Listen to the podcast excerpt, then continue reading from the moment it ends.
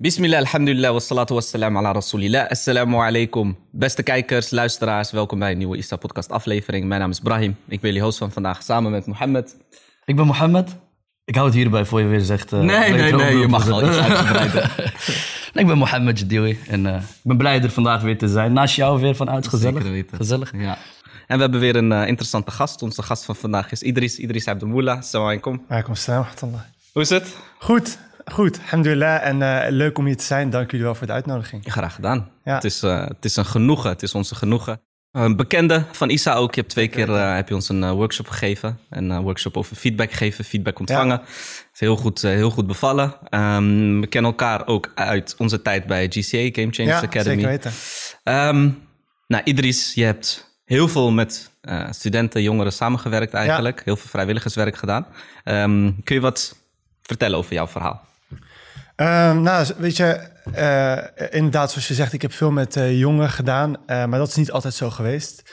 Ik ben ehm, gewoon geboren en opgegroeid in Den Haag, zoals vele Marokkaanse Nederlanders en moslims. En ehm, basisschool doorlopen, in veel verschillende wijken gewoond, onder andere de Schildswijk. Vervolgens naar de middelbare school gegaan. Best wel in een nou ja, gemixt bubbel terechtgekomen van eigenlijk, ja, weet je, wit Nederlanders en, eh, eh, en andere Nederlanders. Ja.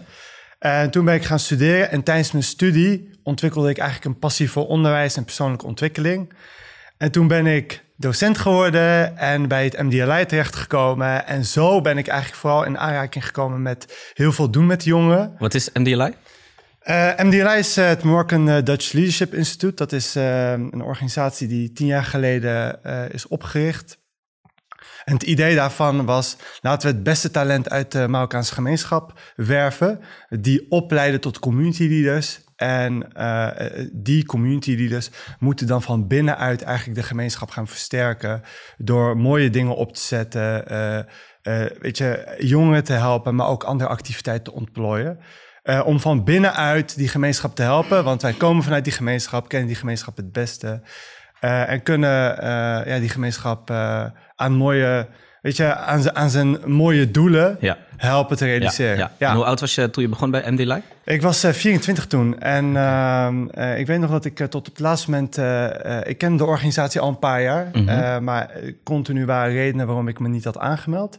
En toen was het echt een week van tevoren, toen dacht ik, weet je wat, Eh, laat ik het doen. Toen heb ik nog wat vrienden gecontacteerd van, zullen jullie ook aanmelden? Dus je zoekt toch wel gezelschap Ja. die je kan helpen. Ik ga niet alleen die Ze wilden niet en ik dacht, toekenallah, ik ga er gewoon voor. En toen heb ik het gedaan. Ja. En eh, dat heeft wel eh, voor een deel mijn leven veranderd. ja. Ja. En ehm, hoe zag dat eruit? Wat was je rol? En hoe heeft dat je leven veranderd uiteindelijk? Ehm, nou kijk, eh, toen ik, toen ik me voor had aangemeld, was ik al een jaar docent in het eh, voortgezet onderwijs. Ik was nog bezig met het afronden van mijn studie. Wat voor vak eh, gaf je les? Ik gaf economie op een school in Voorburg aan 2 MAVO, 4 HAVO, 4 VWO, Oké. 5 VWO. En economie is gewoon een heel mooi vak om te geven, want je kunt heel erg de link leggen tussen theorie en echte maatschappij. En Ja. het was toen op het toppunt van de eigenlijk crisis, dus het was gewoon heel relevant. En ehm, dus ik had al een passie voor onderwijs en toen meldde me ik aan bij het MDRI en toen werd ik eh, geselecteerd. En eh, het was voor mij echt thuiskomen, zo, zo, zo noem ik het ook. Want ik kwam opeens in een gezelschap van heel veel ambitieuze, welwillende eh, Marokkaanse Nederlanders. Ehm, eh, en tegelijkertijd ook in een hele professionele organisatie. Ja. Eh, eh, dus ik had gelijk een connectie met mensen eh, met, ja, die gewoon een gedeelde historie hadden, gedeelde normen en waarden, gedeelde ambities. Ja. Maar in een hele professionele context. En ik voelde me daar gewoon helemaal thuis. ja, mooi. En, en wat voor project sloot je aan? Bij wat voor project sloot je aan? Nou, wat, wat het was, ik kwam in wat we, we waren toen opgedeeld eigenlijk in teams over, over steden. Dus ik kwam gewoon in het team terecht, Team Den Haag, waar Ja. ik gewoon ben opgegroeid. En, Team eh, Aga. eh, team, eh, team Aga, inderdaad. en eh, zo noemden we onszelf niet. Samen professioneel. ja, precies. maar Team Den Haag. En we, we deden het, ja, eigenlijk het project dat we noemden opvoeding en onderwijs. En toen was dat gericht op scholieren in groep 8. Uh, en ik, ik, misschien dat jullie generatie niet helemaal kent, maar mijn generatie weet nog dat we in vier steden 2000 leerlingen hielpen okay. in de kerstvakantie. Inshallah. En uh, het, het, het, speelde ook echt. Gewoon, het was een soort van het event van de kerstvakantie. You're there or you're not. Ja, ja, uh, en uh, dat is wel mooi. Konden ja. jullie niet naar, niet naar Friesland komen in die tijd? we hebben wel gezocht, okay. maar volgens mij was jij de enige. nee. nee. koppertje. nee, wat je wel zag is dat, dat alleen al zeg maar vier steden behoorlijk uitdaging was om te managen. Ja. Dus er zijn wel eens ideeën geweest van... oké, welke weet je, vijfde of zesde stad is eventueel optie. Maar dan zeggen alsnog dat we heel erg keken in uh, Randstad of net buiten de Randstad. Nee, is hartstikke logisch natuurlijk. Ja. Bij ons kun je ja. twee mensen helpen en hier uh, meer. Dus ja, ik nou begrijp het. Maar er was al ooit de ambitie om het landelijk te doen. en het is eigenlijk een initiatief wat vanuit de Marokkaanse gemeenschap is opgezet. Ja. En binnen de Marokkaanse gemeenschap wordt eigenlijk dus versterkt met deze projecten. Ja. Kan je zeggen dat dit het eerste grote project was binnen de Marokkaanse slash moslimgemeenschap waarbij echt... Um, ja, waarbij er echt een hele grote groep van ambitieuze, welwillende uh, ja, Marokkanen bij elkaar kwamen om, een, om zo'n project op te zetten. Zeg maar wat voor. Voor mezelf persoonlijk? Nee, meer in, op de gemeenschap. Zeg ja. maar. Wat voor impact had het op de gemeenschap, denk je? Ja, op gemeenschapsniveau was het uh, uh, zeker gigantisch. dus, en dan praat ik specifiek over de Marokkaanse gemeenschap, niet de moslimgemeenschap. Ja. Kijk, je hebt bij ons van nature, we hebben, weet je, onze, onze ouders of grootouders, de eerste generatie heeft is begonnen met het bouwen van instituties zoals moskeeën. Maar die, die werken niet uh, uh, op een aantal na, werkten die niet heel veel samen. Uh, het was ja. ook langs etnische lijnen natuurlijk. En, en dat is het MDLI ook. Weet je, het is een Marokkaans-Nederlandse organisatie. Maar wat je kreeg, is dat op een gegeven moment het in vier steden op best wel grote schaal actief was. en dat het heel veel studenten trok als vrijwilligers. Ja. En ik denk dat, uh, uh, zeg maar, van mijn soort van leeftijdscategorie, uh, nou, heel veel voor het eerst echt in aanmerking, weet je, in aanraking zijn gekomen met een soort van vrijwilligerswerk door het MDLI. Omdat het heel laagdrempelig was. Je ging gewoon lesgeven voor scholieren van de leeftijdscategorie 11, 12 jaar in groep 8. in een kerstvakantie, dus het had gewoon een, weet je, een start en Ja. een einde. Ja. Je, het was gewoon heel duidelijk, het was goed voorbereid. Uh, het, het, creëerde ook gewoon heel veel energie. Want ja, kids helpen, uh, dat is niet... Uh, weet je, ondanks dat het wel misschien uitdagend kan zijn... het is gewoon heel duidelijk. en kinderen geven gewoon heel veel voldoening als je ze helpt. Ja. En dus had je op een gegeven moment... dat we tegen de 600 à 700 vrijwilligers zaten in de kerstvakantie. Niet, niet, ja, weet je, niet iedereen was Marokkaans-Nederlands. Dat was Ja. ook niet per se een eis. Maar zeker wel meer dan 90% 95% Ja. Uh, en dat was heel mooi. Ja. ja. En het argument wat dan al snel uh, op tafel komt, of wat je dan al snel hoort, is: ja, waarom help je alleen de Marokkaans-Nederlandse gemeenschap? Want op die manier werk je segregatie in de hand.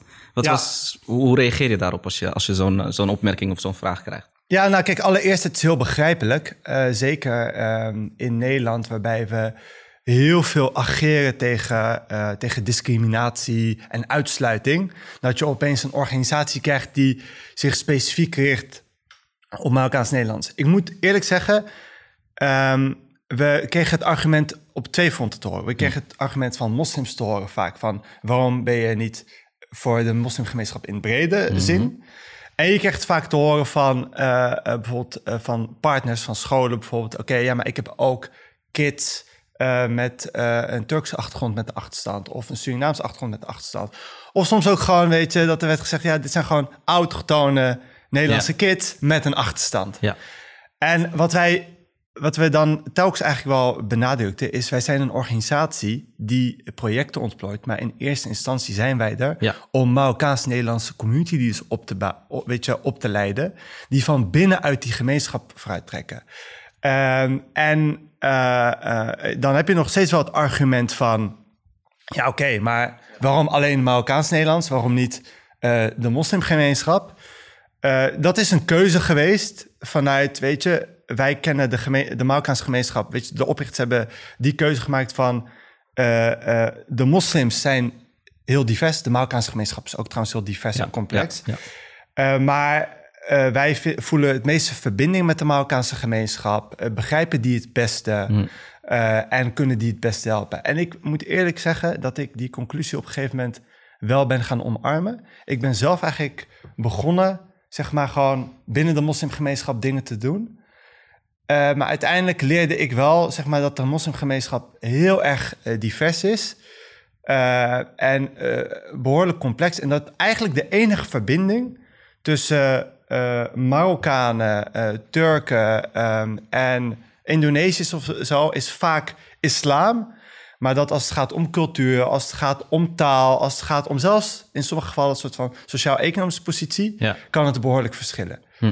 Um, dus het was eigenlijk meer een, een argument vanuit Focus. effectiviteit. Ja, ja effectiviteit. Hoe kunnen we zo effectief, ja. effectief mogelijk aan de slag En als je, en als je kijkt, want het is nu tien jaar geleden, als je kijkt naar uh, nu, uh, de samenleving nu, rond deze context waarin we leven, uh, zou je dan denk je voor dezelfde, tot dezelfde conclusie zijn gekomen? Of zou je dan wel het breder trekken?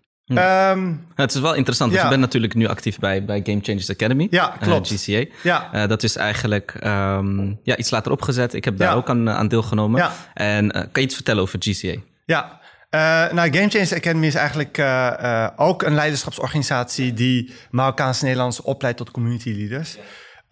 wat we zeg maar, beoogd hebben, weet je, drie jaar geleden bij zeg maar, het opzet van de organisatie... is wel dat de focus nog meer komt te liggen bij, uh, uh, bij ontwikkeling van leiderschap.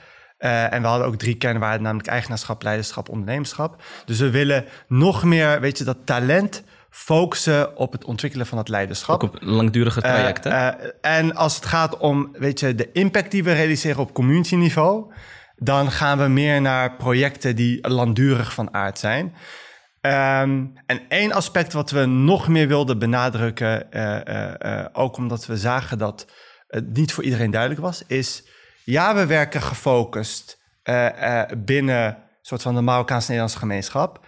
Maar onze bijdrage is een ster of ons doel is een sterke en mooie Nederland. Namelijk, wij geloven vanuit effectiviteit, als je focust op die gemeenschap, kun je daar heel veel bereiken. En als die gemeenschap er beter op wordt, wordt heel Nederland erop beter.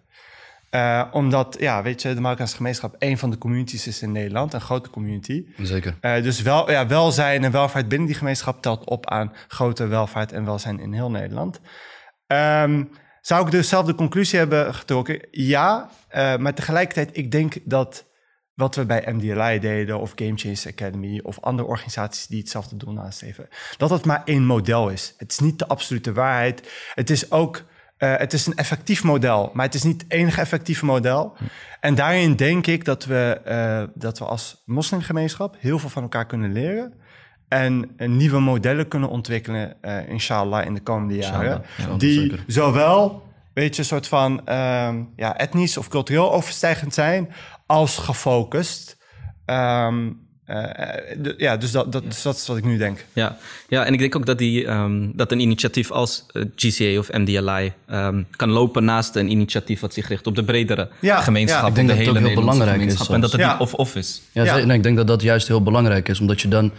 Uh, wat je zegt, je hebt verschillende soorten modellen. En uh, als organisatie moet je een bepaalde doelgroep hebben om effectief te kunnen zijn. Hè? Dus dat is heel belangrijk. Alleen als ik zo, uh, als ik zo nadenk, is het um, zeg maar als je als, je alleen, als er alleen maar organisaties zouden zijn die zich zouden richten op één doelgroep, ja. Ja, dan, heb je, dan werk je alsnog niet naar een, een beter Nederland, zeg maar. Ja, nee. Ik... Dus er moeten zeker, uh, het moeten zeker dingen parallel lopen. En um, het, het, het, argument van, van segregatie, dat is wel grappig, want dat wordt dan vaak benoemd. Hè? Zo van ja, maar je kan toch ook gewoon, je kan toch ook gewoon deelnemen in een. Uh, weet, weet, je niet dat het, uh, dat het in een Marokkaanse community is of wat dan ook. Alleen mensen vergeten vaak dat daar misschien wel meerdere stappen tussen zitten. Ja. En dat je juist vanuit um, het beste uit elkaar halen in een comfortabele omgeving. Uh, dat je van daaruit in het werkveld of uh, dat, je, dat je dan nog doorgroeit tot, tot de beste versie van jezelf. Ja. En als je, als je niet getraind wordt, ik bedoel, als je direct een wedstrijd gaat spelen op Champions League niveau. en je hebt nog nooit een training gehad waar je fouten kan maken, ja. ja dan is dat dat is natuurlijk uh, niet te doen. Ja. ja, eens. En ik denk ook, uh, wat je, kijk, ik denk het belangrijkste is, we, we, we vertellen vaak in ons verhaal uh, dat er, weet je, problemen zijn binnen onze gemeenschap. En dat, of weet je, of nou problemen zijn in de moslimgemeenschap of de Marokkaans-Nederlandse gemeenschap, dat we geloven dat degenen die vanuit die gemeenschap voortkomen, dat die het beste geëquipeerd zijn om eh, met die problemen te dealen op een pakkende manier die zeg maar, mensen echt helpt. Uh, dat is één kant van het verhaal. De andere kant van het verhaal is dat je ook gewoon ziet dat je gewoon dat jongeren uh, of studenten echt behoefte hebben aan mensen die like-minded zijn. Uh, die hetzelfde, weet je, weet je, uit hetzelfde soort gezinnen komen, die hetzelfde geloven, die hetzelfde denken. En doordat ze elkaar vinden en aan dingen werken, uh, leren ze daadwerkelijk wat. Terwijl als je tegen diezelfde jongens zou zeggen vanuit het niets, ga in een compleet blanke omgeving opereren, dan is dat inderdaad een stap te ver. Zullen ze dat niet doen? En wat je dan ziet is dat ze jaren later gewoon heel weinig gedaan hebben. Hm. Uh, uh, en, en, dat is zonde. Ja, omdat ze dus eigenlijk niet in een omgeving aan hun tools hebben kunnen werken die ze nodig hebben om in zo'n omgeving te overleven. Ja, precies. En het is makkelijker als je dat doet met mensen waar je bepaalde gelijkenis in hebt. En het grappige is dat er vaak worden er ook, um, als, als we dan hebben over, over zo'n discussie, dan worden er vaak mensen benoemd die dit wel hebben gedaan. Hè, bijvoorbeeld een, een Abu Talib. Ja, maar hij kan het ook. Ja, ja dat klopt. Ja, er zijn ook mensen die het kunnen. Ja, klopt. Maar als je vanuit het, als je vanuit het collectieve het beste uit iedereen wil halen, ja, dan moet je natuurlijk rekening houden met allerlei, uh, allerlei levels. En van daaruit denk ik dat dit zeker goede initiatieven zijn, absoluut. En dat is een heel goed punt, want inderdaad, je hebt uitzonderingen die het misschien niet nodig hebben gehad. Uh, uh, en er zijn gekomen. De individuele succesverhalen, ja. Kijk, ik kan, als ik, ik kan alleen over mezelf spreken. en ik heb deze discussie best wel heel veel gevoerd de afgelopen jaren met mensen. Van wat is daadwerkelijk het verschil geweest wat jullie hebben gemaakt? Wat is de impact die jullie hebben gerealiseerd? Als ik kijk naar mijn leven, waar ik nu sta, als, als ik niet bij MDLI was gegaan en Game Change Academy niet had gedaan, zou ik hier niet staan.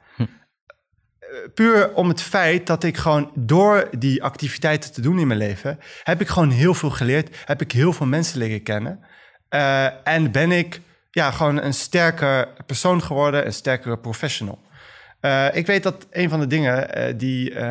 Ik, ik had me aangemeld voor het Rijkstraineeship. Dat was mijn eerste baan na mijn studie. En ja, ik had wat voordeel omdat ik economie en bedrijfseconomie had gestudeerd. Had ik wat voordeel ten opzichte van de rechtenstudenten en de bestuurskunststudenten... omdat ze bij Rijksoverheid heel graag economen wilden hebben. Maar wat zeg maar onderscheidend was in mijn cv... was dat ik al docent economie was geweest... terwijl ik nog geen bevoegdheid had... En ik had uh, het MDLI gedaan. Uh, en toen dachten ze van, we zien gewoon dat de dingen die je hebt gedaan naast je studie, dat die, uh, weet je, jou gewoon een sterke persoon hebben gemaakt en een aanwinst, voor, een aanwinst voor de organisatie.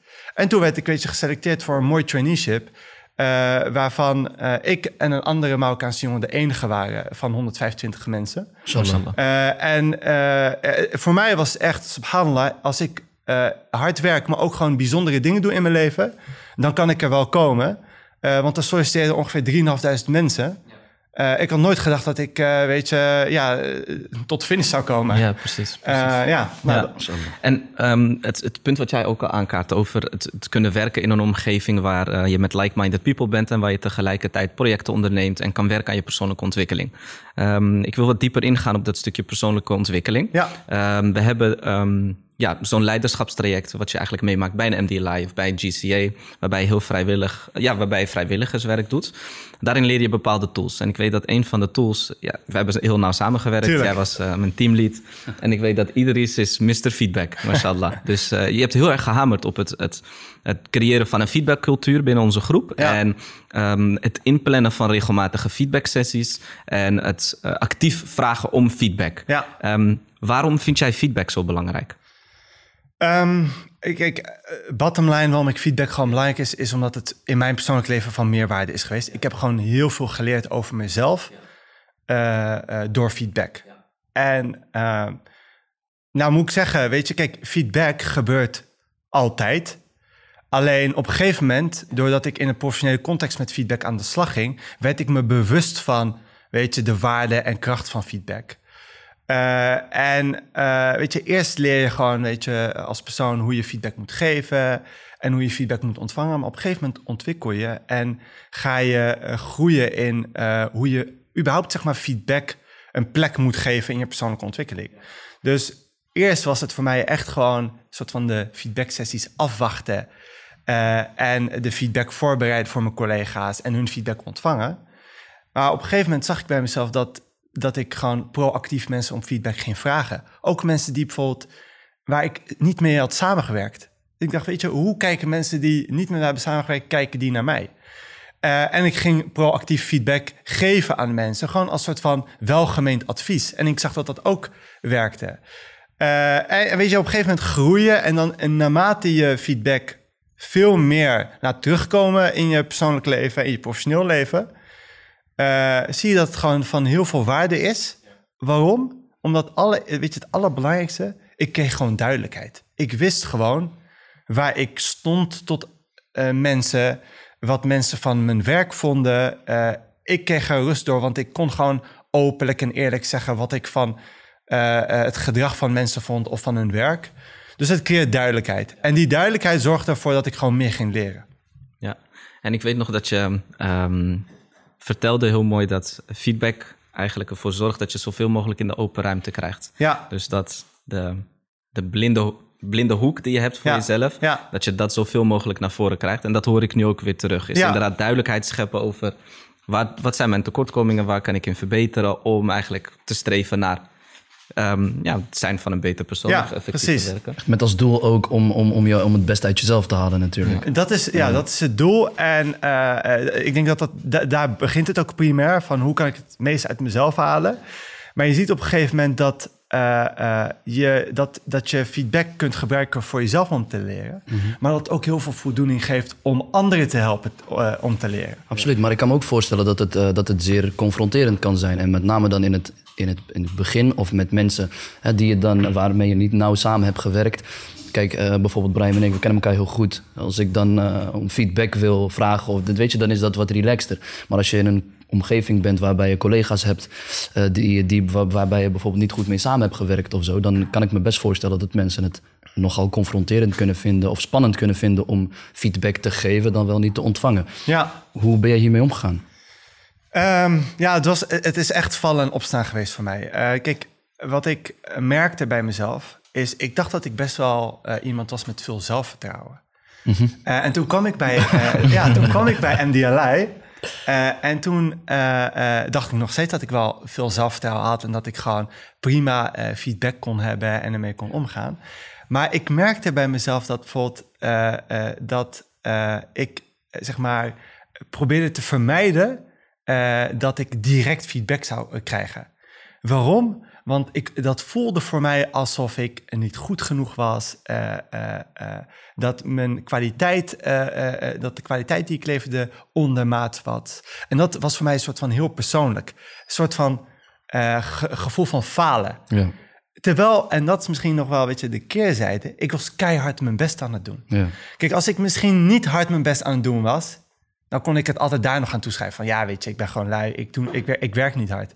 Maar als je keihard werkt en dan feedback krijgt op dat dingen niet goed genoeg zijn, dan keert dat een soort van. Die ga je ja, maar wel ik zit al op mijn max, weet je? Wat kan ik nog meer doen? Ja. Eh, en eh, eh, het was wederom feedback weer, wat ervoor zorgde dat ik, dat ik daar zeg maar ja, me overheen zette. Dus ik heb op een gegeven moment heb ik wel me- mensen om me heen gehad die tegen me zeiden: ja, Dries, wat, je, wat jij doet, is jij probeert feedback op een bepaalde manier te vermijden. Dus ook bijvoorbeeld als je dan wat, eh, eh, wat voor werk produceerde, dan legde je dat vooral voor aan mensen die je heel weet je, goed gestemd zijn, die een geweldige kerel vinden. eh, Super sterk dat ze die, dit zeggen. Precies, en die mensen, weet je, en de mensen die me goed gestemd waren, die gaven me, die zeiden, oh, er is top gedaan, ik, maar dit en dit kun je beter doen. Ja. En dan, dat, dat vond ik prima om te horen. Maar je hebt andere mensen, die waren gewoon wat sceptisch naar mij als persoon. En die gingen dan gelijk op alle details, zeg maar, gingen ze schieten.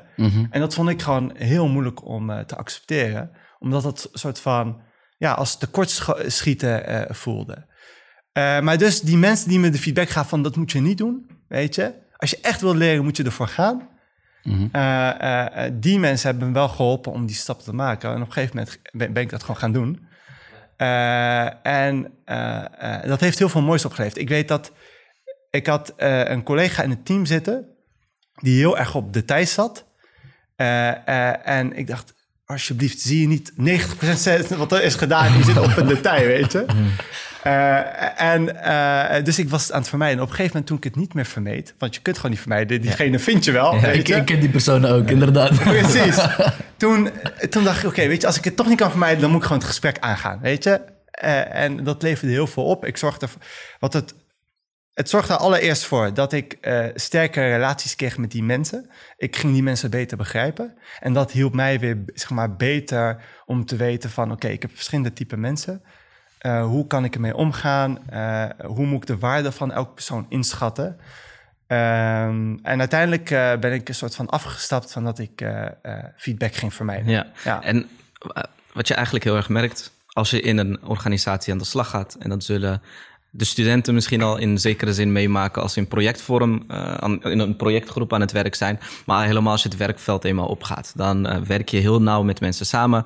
Uh, 40 uur in de week werk je met ze samen. Je zit heel dicht op elkaar. Dan ontstaan er frustraties. Het kan ja. niet zo zijn dat je op een gegeven moment geen frustraties hebt. Ja. En um, feedback is dan de gezonde uitlaatklep, de gezonde manier om dat te kunnen uiten op zo'n moment. En ik weet nog dat um, ik op een gegeven moment Um, in een persoonlijke situatie zat waarbij ik heel veel frustraties had naar een, naar een andere persoon die, waarmee ik heel nauw samenwerkte.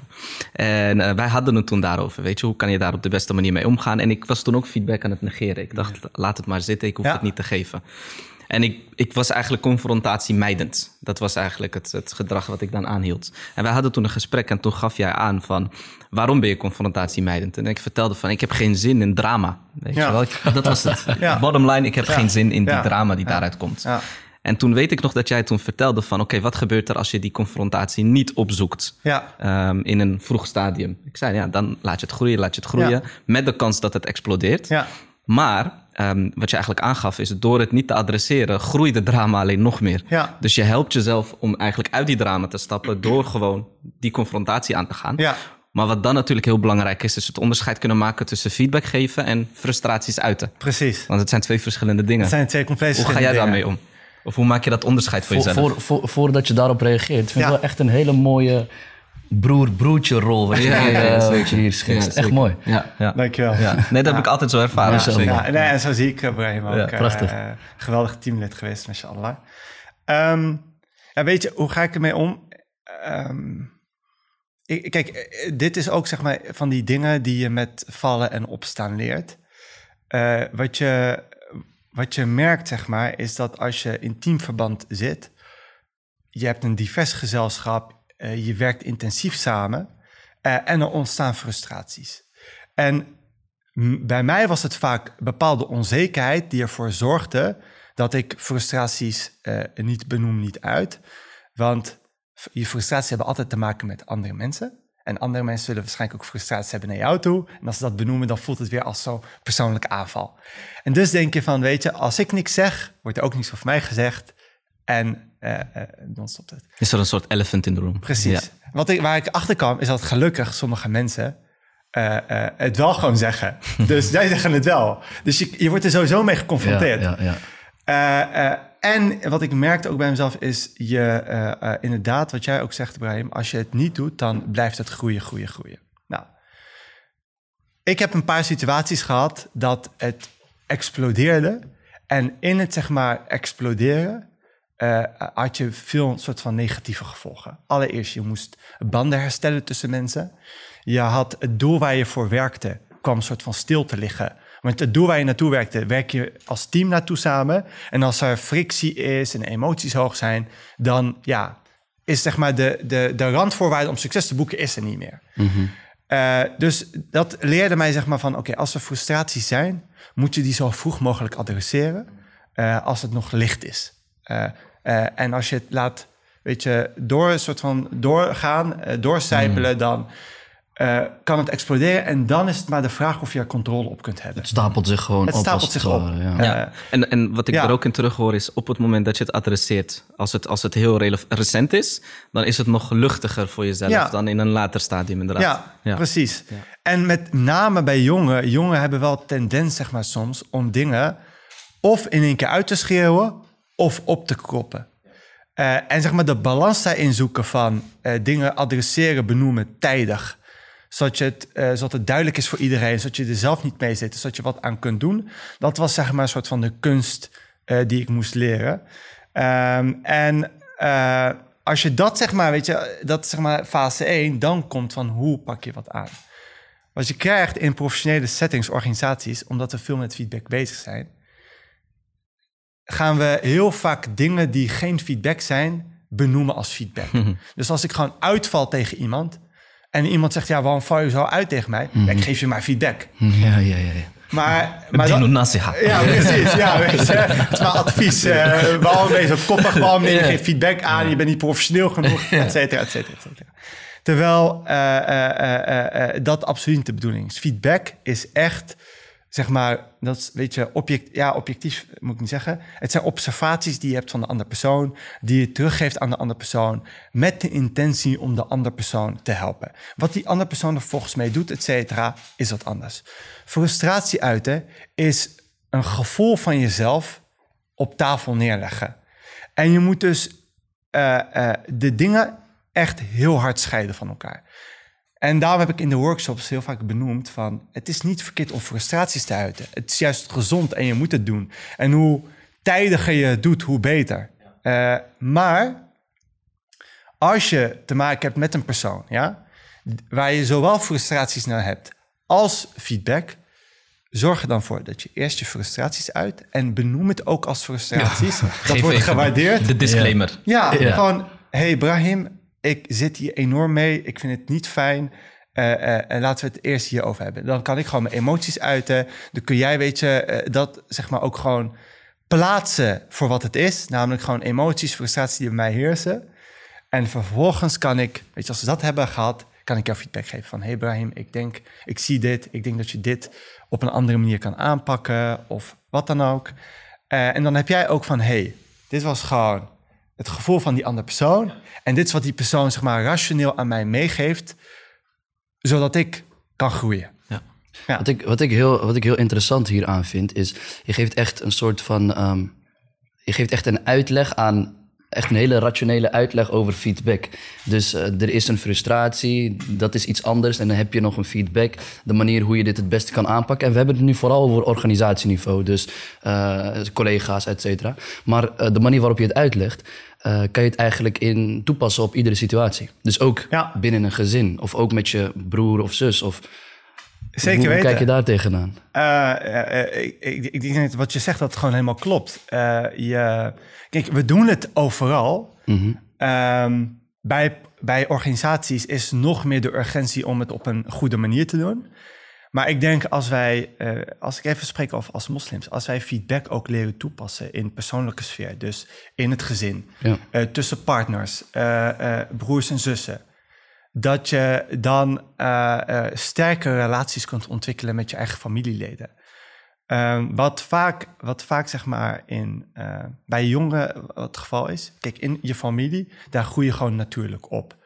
Dus je bent heel veel feedback, ben je eigenlijk op een soort van natuurlijke wijze aan het geven, zonder het ehm, voor te bereiden of uit te denken of wat dan ook. Hey, ruim, je, ruim je spullen eens op of wat dan ook, weet je? Gewoon, bekend voor. ruim je kamer op. Eh, eh, dat, dat is ook feedback. Alleen, netjes verwoord. De nette vorm van maar het is feedback. gewoon een gebod eh, waarvan iemand anders denkt van... Hey, ja, diegene is het weer zat, die is zijn frustratie aan het uiten. Ik Ja, bepaal ja. zelf wel of ik mijn kamer opruim of niet. Ja, whatever. Ehm, maar eh, ehm, kijk, wat ik wel, wel eens heb gezien is bijvoorbeeld bij, bij, bijvoorbeeld bij... Ik heb het vooral gezien bij ouders met hun kids. Eh, je hebt ouders die eh, vanaf zeg maar jongs af aan heel veel interactie opzoeken met hun kinderen. Eh, echt gewoon gesprek voeren. Zelfs hun kinderen het gevoel van gelijkwaardigheid geven. Eh, en dus bijvoorbeeld ook gewoon aan de kinderen vragen van... hey, ik vond dat je afgelopen week eh, dit en dit goed deed. Eh, ik vind dat je eh, dit en dit beter kunt doen. En maar aan de kids vragen van... oké, wat vind je dat ik als ouder beter kan doen? Kijk, ik kan me niet voorstellen bij eerste generatie... en het zou gelijk laat ik niet generaliseren... maar bij Marokkaanse eh, ouders, eerste generatie... eh, dat ze eh, hiermee bezig zijn van... laat ik mijn kinderen vragen... hoe ze ik vinden dat ik het doen. als ouder doe. Weet je, en daar, daar zijn allerlei redenen voor... die ik zeg maar ook niet helemaal goed begrijp. Maar ik denk wel dat wij als tweede, derde generatie daar wel enorme stappen in kunnen maken. Uh, naar, inshallah, onze kinderen toe, naar onze siblings toe, zeker naar onze partners toe. En en, en, zeg maar, ik denk dat de uitdaging voor ons als uh, moslims is als we, weet je, al die skills die we in het professioneel werkveld leren, hoe kunnen we die invulling geven in ons persoonlijk leven? Dat gaat niet één op één, want het zijn echt wel verschillende contexten. Uh, je moet ook niet uh, soort van officiële feedback sessies gaan organiseren thuis. uh, maar het helpt wel om momenten te nee, nemen. Zou je daar geen voorstander van zijn? Ik vind het op zich wel een tof idee. Ja, het, nee, nee, ik heb Brian. Nee, ik ben getrouwd. Ik zeg, luister, eens in de twee maanden gaan wij ergens wat eten. Gaan we feedback inplannen. Ja, je hebt helemaal gelijk. Ja, nee, want dat, dat, dat is een heel goed is wel sterk. Dat is een heel goed idee. En ik kan ook wel zeggen dat eh, eh, mijn partner en ik dat alhamdulillah doen. Vrouw- ja, kijk. Eh, maar het is, ik, pak, ik ga niet bij een whiteboard staan en zeggen van eh, wat denk je en zo.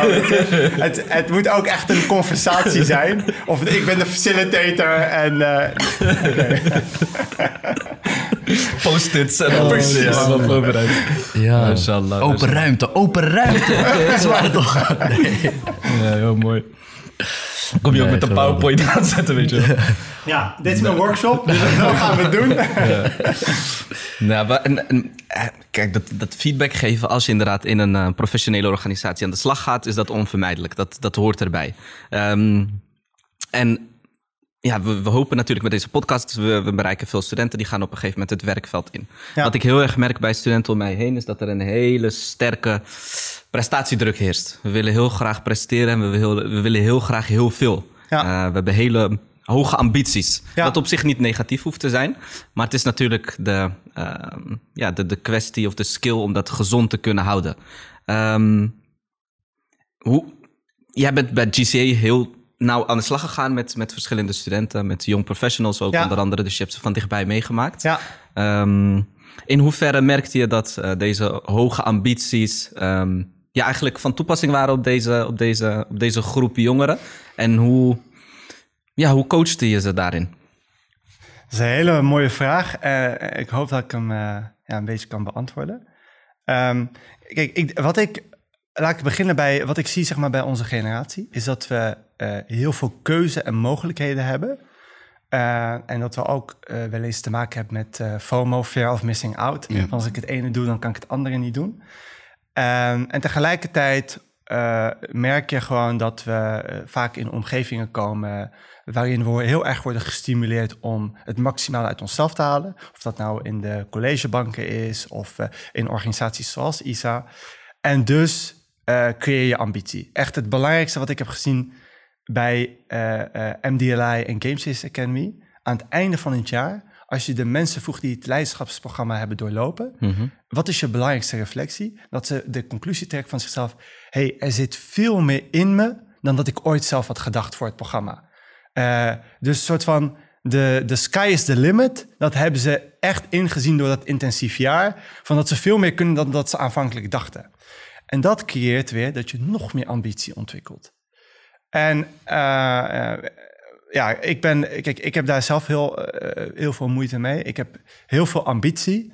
En hoe ik dat, zeg maar, een passende weg geef in mijn eigen leven, waarin je moet balanceren tussen heel veel verantwoordelijkheden, dat blijft een uitdaging. Wat ik, zeg maar, in mijn coaching altijd probeer te doen, en ook bij mezelf probeer te doen, is wat is voor jezelf echt, echt belangrijk?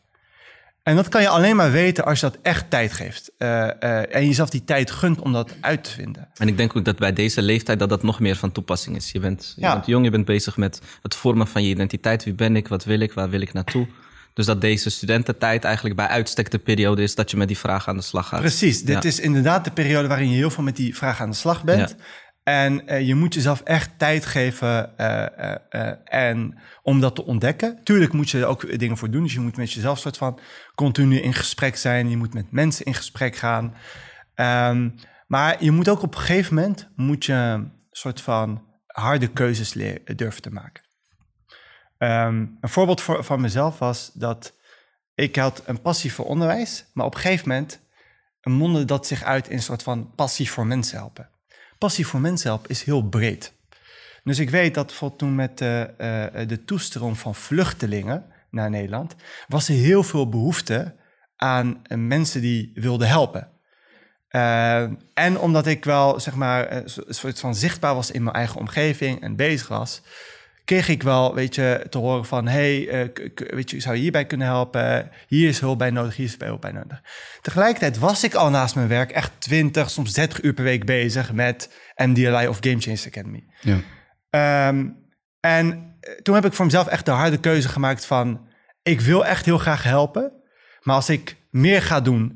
dan gaat dat ten koste gewoon van mijn zelf en van mijn kwaliteit. Uh, de echt, weet het rendement komt er niet meer Ja, het rendement gaat niet omhoog door meer te doen. Dus laat ik me gewoon focussen op mensen helpen binnen dat domein van onderwijs persoonlijke ontwikkeling.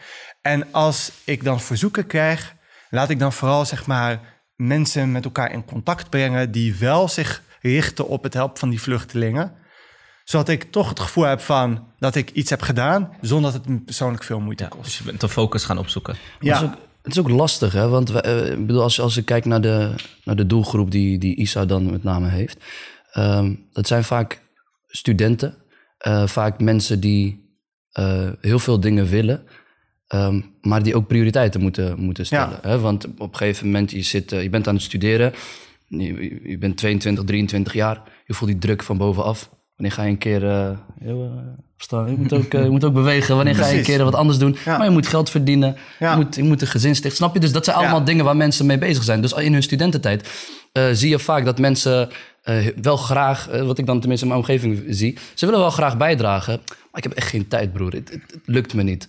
Ik was zelf ook zo'n persoon. Ik, dat ik dacht van ja, het is leuk en aardig, vrijwilligerswerk, et cetera.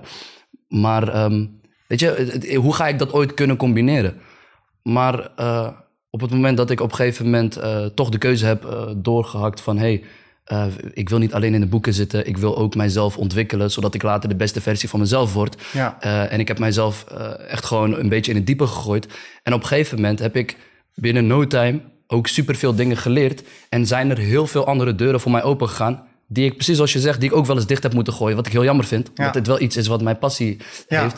Maar omdat je dat er gewoon even niet bij kan hebben. Ja. En als ik dan uh, uh, terugkijk op mijn mindset die ik voorheen had. Van uh, ja, ik, ik moet gewoon studeren en, en, en, werken en, en het leven opbouwen. Ja. Dat, is, dat is het ding. Ja, zeg maar, ik denk dat het heel erg ook zit in die mindset. Ja. Vooral. Van hoe kunnen we ervoor zorgen dat we juist gedreven worden om het beste uit onszelf te halen? Ja, dat is, dat is heel mooi wat, dat je dat zegt. Um, kijk, uh, iets wat ik zeg maar uh, altijd aan studenten zou meegeven, is ga bij organisaties in je studententijd. Want um, niet alleen leer je dan feedback geven, feedback ontvangen en leer jezelf beter kennen, maar ook gewoon door dingen uit te proberen, gewoon bezig te zijn, leer je jezelf beter kennen. en als je, kijk, als je jezelf beter leert kennen, zie, zul je ook op een gegeven moment zien dat wat jij benoemt zeg maar, over je mindset, dat je daar uh, verandering in, uh, weet je, dat je daar verandering in ziet plaatsvinden. Uh, en dat je op een gegeven moment conclusies trekt van hey, ik dacht eigenlijk dat een bepaalde pad die ik aan het belopen ben, dat die effectiever zou zijn voor mijn toekomst. Ja. maar nee, ik kom er nu achter dat iets compleet anders me veel meer gaat opleveren in mijn toekomst. Exact. Uh, ik denk, uh, inshallah, dat uh, als ik vader word, dat ik een betere vader zal zijn door alle vrijwilligerswerk die ik heb gedaan. daar ben ik overtuigd van. Inshallah. terwijl als je me, weet je, laten we zeggen, zes jaar, zeven jaar geleden had dat had gevraagd, had ik misschien de, gezegd, nou, weet je, ik denk juist dat het beter is om zo snel mogelijk mijn studie af te ronden, zo snel mhm. mogelijk, uh, weet je, een baan te vinden, trouwen, uh, geld op de bank zetten. Ja. dus, want dan uh, dat was gewoon de heersende opvatting bij mij in mijn hoofd. Voorzien. Ja. Geld verdienen, voorzien. Ja, gewoon, weet je, de, de, eigenlijk de, de standaard checklist. Ja. Maar, en dat is belangrijk, maar wat zegt dat over mij uh, uh, ja, als soort van, zeg maar, persoon? hoeveel kennis, ervaring heb ik over het leven om een volgende generatie dan groot te brengen? Hm. Da daar was ik toen nauwelijks mee bezig. Um, en als ik, weet je, terugkom dan even op wat er net werd gezegd over uh, focus en balans. Um, ik weet dat, dat daar twee van mijn leerdoelen, toen ik bij MDLI begon, er werd ook bij de sollicitatie gezegd door een van de oprichters, weet je, Dries, wat kom je hier leren? En toen zei ik, ik merk dat ik echt een probleem heb in mijn leven op dit moment met focus. Mijn aandacht gaat alle kanten op, brede interesses. Ik vind alles interessant. Ehm, en ik kan gewoon niet balanceren. Nou, zes jaar verder, ik denk dat ik qua focus heb ik gigantisch veel stappen gemaakt. Daar ben ik echt trots op mezelf op. Qua balanceren, Inshallah. it's still a mess. dat zeg ik heel eerlijk. Ik vind dat eh, ontzettend moeilijk. Wat, wat precies? Het is gewoon, je, je wilt het goed doen op je werk. Je wilt eh, naast je werk wil je actief zijn eh, in vrijwilligerswerk om mensen te helpen. Je wilt er voor je familie zijn. Je wilt er voor je, voor je, voor mij, voor je partner zijn. Ik zie ook gewoon in mijn vriendenkring. eh, eh, ik heb gewoon ja, wel eh, hechte vriendenkring. Daar wil je veel tijd mee doorbrengen. Je hebt familie in Marokko. eh, Ja. Die, eh, weet je, eh, ik, ik wil minimaal één keer per jaar, al is het maar een paar dagen erheen Ja. vliegen, om mijn grootvader en mijn ooms en tantes te zien. Ja. Eh, en dat is best wel overwhelming. En, dan- maar het is ook een hele hoge ambitie. Ja, dat is een hele hoge ambitie. Ja. Tegelijkertijd, wat ik heb geleerd, Mhm. is mijn dagen zitten hoe dan ook vol. Of, of ze zitten vol met niks doen, of ze zitten vol met dingen doen waar ik gewoon heel veel energie van krijg, waarin ik het gevoel heb van eh, ik ben nuttig geweest. Ehm, en eh, eh, en, en, dan, en als, als ik het heb over niks doen, ik heb op een gegeven moment geleerd van je moet een soort van echt ontspanning eh, plannen. Niet dat ik daar goed in ben, maar dat ik wel op een gegeven moment geleerd dat moet je doen. Want als ik dat niet doe, dan heb ik zomaar een dag dat ik gewoon heel weinig doe. En aan het einde, dag, de- da- einde van de dag denk ik, hey, mijn to-do-list is alleen maar langer geworden. Ja. Want tijdens het vervelen komen allemaal dingen naar boven. En ik heb er eh, niets van weggewerkt en dan voel je je alleen maar druk. Je veel bent, je bent niet tot rust gekomen. Ja. Nee, en eh, Ja. ik, ik denk niet dat ik de beste persoon ben om Ja. hier een advies te geven, omdat ik zelf aan het struggelen ben nog. Ehm, maar wat ik, eh, om af te maken, wat ik wel heb geleerd, is door heel veel te doen, ben ik wel gegroeid en effectiever geworden. En als er nu zeg maar iets op me afkomt, eh, het komt heel weinig voor dat ik denk van, oh, ik ben angstig voor wat er op me afkomt. Eh, vaak denk ik van, oké, okay, Allah, even goed over nadenken, goed voor mezelf uitwerken en tegenaan gaan. Ja, ja. Heel mooi. Ja, wat ik voor mezelf heel erg heb gemerkt. ehm, het punt wat je aankaart, inderdaad. Zelfs als ik niks plan, dan zit mijn dag alsnog vol. Want dan ben ik met van alles en nog wat bezig. Maar aan het einde van de dag heb je dan het gevoel van. Tijd vliegt ik- ook, hè? De tijd, vliegt. Tijd het vliegt gevoel, ontzettend. wat heb ik gedaan? Ja, Ik heb niks echt heel duurzaams voor mezelf gedaan. En eh, ik ben er eigenlijk vrede mee gaan hebben dat het niet lukt om alles gedaan te krijgen. Het kan gewoon niet, want er zijn zoveel dingen die je kunt doen dat het eh, praktisch onmogelijk is om alles te kunnen doen. Ja. Dus ik kan niet en met Isa alles bijhouden en met ehm, als ik met Arabisch bezig ben dat allemaal bijhouden en werk helemaal op en top en studie en noem maar op. Het is, het is heel veel allemaal. Wat ik wel ben gaan doen is een onderscheid maken tussen wat zijn de echt echt fundamentele dingen. En wat zijn de dingen die ik kan doen als ik de ruimte daarvoor heb. Ehm, wat mij daarbij heel erg geholpen heeft, is dat boek Seven Habits of Highly Effective People. Ja. Heb je op een gegeven moment dat, Ja. dat, dat schema, weet je wel. precies. Ja. Ehm, met Belangrijk en ja, urgent en belangrijk Ja. op, een, eh, op, een, eh, op, een, op een ax, weet je wel. En ehm, nou, dan heb je de kwadranten, dan heb je belangrijk en urgent. Dat zijn st- stressvolle dingen die je echt gedaan moet krijgen. Ik ga morgen reizen, ik moet mijn paspoort nog regelen. Dat is belangrijk en urgent, moet ik gedaan krijgen. Dan heb je belangrijk niet urgent. Dat is eh, bijspijkeren met je Arabisch, memoriseren van de Koran, Ja. ehm, sporten. Dat zijn die dingen die op, op, op een lange basis, duurzame basis echt impact Ja. hebben. Maar die verdwijnen heel vaak naar de achtergrond. Waarom? Ja. Je bent constant bezig met Urgent. urgent en belangrijk. Ja, ja. Of met urgent en niet belangrijk. Juist. En dat zijn dingen die belangrijk lijken, maar zijn Ja, helemaal ja, niet zo ja. belangrijk. Snap Ja. je? je? De mails die je binnenkrijgt of de appjes die je binnenkrijgt en, en noem maar op. Ik kan niet voldoen aan al die, eh, aan al die verwachtingen en Ja. al, die, al, die, al die opdrachten, zeg maar. En dat is dat, dat kwadrant.